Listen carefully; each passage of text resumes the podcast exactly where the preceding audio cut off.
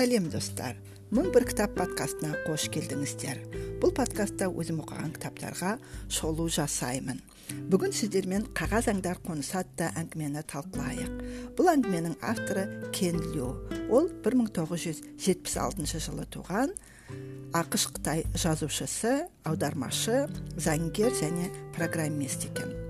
Осы қағаз аңдар қонысы атты әңгімесі үшін әдебиет саласындағы беделді деген небюла хьюго және World Fantasy Awards жүлделерін алған. Бұл әңгімені мен қазақ тілінде оқыдым. Қазақ тіліне аударған дінмұхамед зиядин редакторы гүлбіба әділова. Егер сіз де осы әңгімені оқығыңыз келсе онда дінмұхамед зиядиннің зиядин нүкте wordpress нүкте ком сайтынан оқи аласыздар. Оған қоса дінмұхамедтің одан да басқа аудармалары бар екенін айта кетейін. Сонымен кенлю қағаз аңдар қонысы әңгімесі. Әңгіме басты кейіпкердің кішкентай кезінде қатты жылап еш нәрсеге көнбей қойған кезімен басталады. Қатты жылаған баласын жұбату үшін анасы түрлі түсті қағаздардан ойыншық жасап береді. Анасының бұл ісіне қызыққан бала жылауын тоқтатып қызығушылығы оянады. Кішкентай бала анасының әрекетінен сиқыр көріп жасаған жануарына жан біткендей әсер алады. Алғашқы жолбарысынан ұмытылмас әсер алған бала оны өмір бойы есінде сақтап жүреді. Жазушы баланың аузына мынадай сөздер салады. Анам ерекше адам еді. Оригамиге үрлеп жан бітіретін. Бұл оның сиқыры еді дейді. Содан кейін біз баланың анасын әкесі каталогтан таңдап алғанын білеміз. Яғни әкесі танысу компаниясына хат жазып ол танысу компаниясы ортада жеңгетай болып үйленуіне көмектеседі. Бұл әңгіме туралы әртүрлі пікір оқуыңыз мүмкін. Біреулер адамның көңіл күйіне тым қатты әсер ету үшін түрлі жолдарды қолданған десе екіншілері қатты әсерленіп жылап та алғандарын айтады. Не болса да бұл әңгіме жаныңды дір еткізетіні сөзсіз. Балалық пен жастық шағыңдағы ең нәзік ерекше сырлас жеке дербес сезімдерді қозғап өтеді. Ата анамен қарым қатынас түсінбеушілік қарсыласу өз әлемінде өмір сүру бұның бәрі барлық адамда болатын сәттер. Оған қоса ата анаң бұл өмірден өткеннен кейін адамда басқа сезімдер өкініш пен сағыныш пайда болуы мүмкін.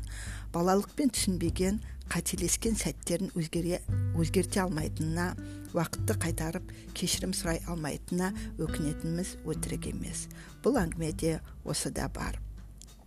Бұл әңгімені магиялық реализм жанрына жатқызады. Магия қаншалықты бар жоғын өзіңіз оқығаннан кейін бағалай жатарсыз. Қағаз ойыншықтарға жан бітіру магия ма әлде жай ғана метафора ма? Адам не жасаса да бар жан тәнімен жасайтын болса сол нәрсеге жан бітетіндей болады.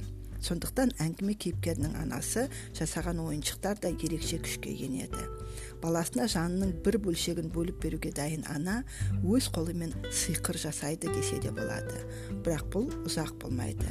Өмірінің бір сәтінде бала айналасының басқа екенін түсіне бастайды. Оған анасынан ұялу анасын түсінбеу алшақтау және қабылдамау сияқты сезімдер қосылады. Ең үлкен конфликт көрші баланың қонаққа келіп оның қымбат та әдемі ойыншығының сынап сынып қалуынан басталады.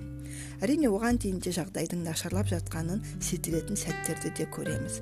Бірақ тек қана қағаздан жасалған ойыншықтары бар баланың қоршаған ортаның басқа екенін сезіне бастауы және айналадағылардың қатаңдығы мен өзгешілігі баланың басқалар сияқты болғысы келуіне алып келген сияқты.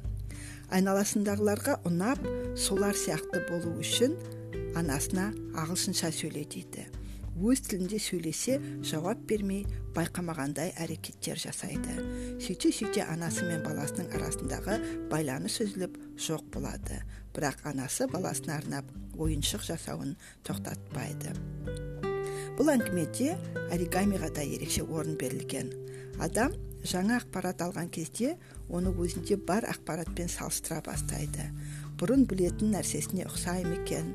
Балалық шақта болған енді тіпті ұмытылып кетті деген нәрсенің сарт етіп алдынан шығуы бүкіл ойың мен сезіміңнің талқанын шығаруы бұрынға қайта апаруы әр адамға әртүрлі әсер етеді.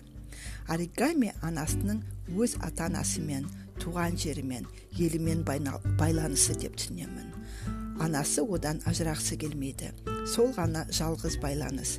Содан ғана өзін жоғалтпайтындай өзін табатындай болған деп түсінемін. Басқа елде басқа тілдік ортада жүріп елін ата анасын аңсау және еш нәрсені өзгерте алмау қандай қиын. Бұл әңгімеде осы сарынды біз көреміз. Соңында анасының жазған хатын оқыған кейіпкерді дің күйін қалай бағалайтындарыңызды оқып көріңіздер. Кейіпкер жаңа өмірге жаңа ортаңа, ортаға сіңіскені соншалықты ол тіпті анасының тілін білмейді. Анасы жазған хатты оқи алмайды. Оған тіл білетін басқа адам оқып аударып береді. Бұл да үлкен қасірет. Өкініш пен тығырық үмітсіздік пен торығу дер едім бірақ осы хат арқылы баласы анасын қайта танығандай болады. Анасының жаны мен күйзелісін жан дүниесінде болған күйзеліс пен күйінішті мұң қайғыны түсінгенде болады. Хат соңында кейіпкер қайтадан бала кейпіне түскісі келеді. Ол ай яғни жақсы көру героглифін жаздырып алып соны қайта қайта жаза бергені де балалық шақтағы бақытты кезеңдеріне анасын жақсы көрген сәтіне қайтқысы келгенінің дәлелі сияқты. Бірақ хаттың соңғы жолдарындағы анасының менімен неге сөйлескің келмейді балам? деген сұрағы анасының баласына деген өкпесінің барын көрсете ме?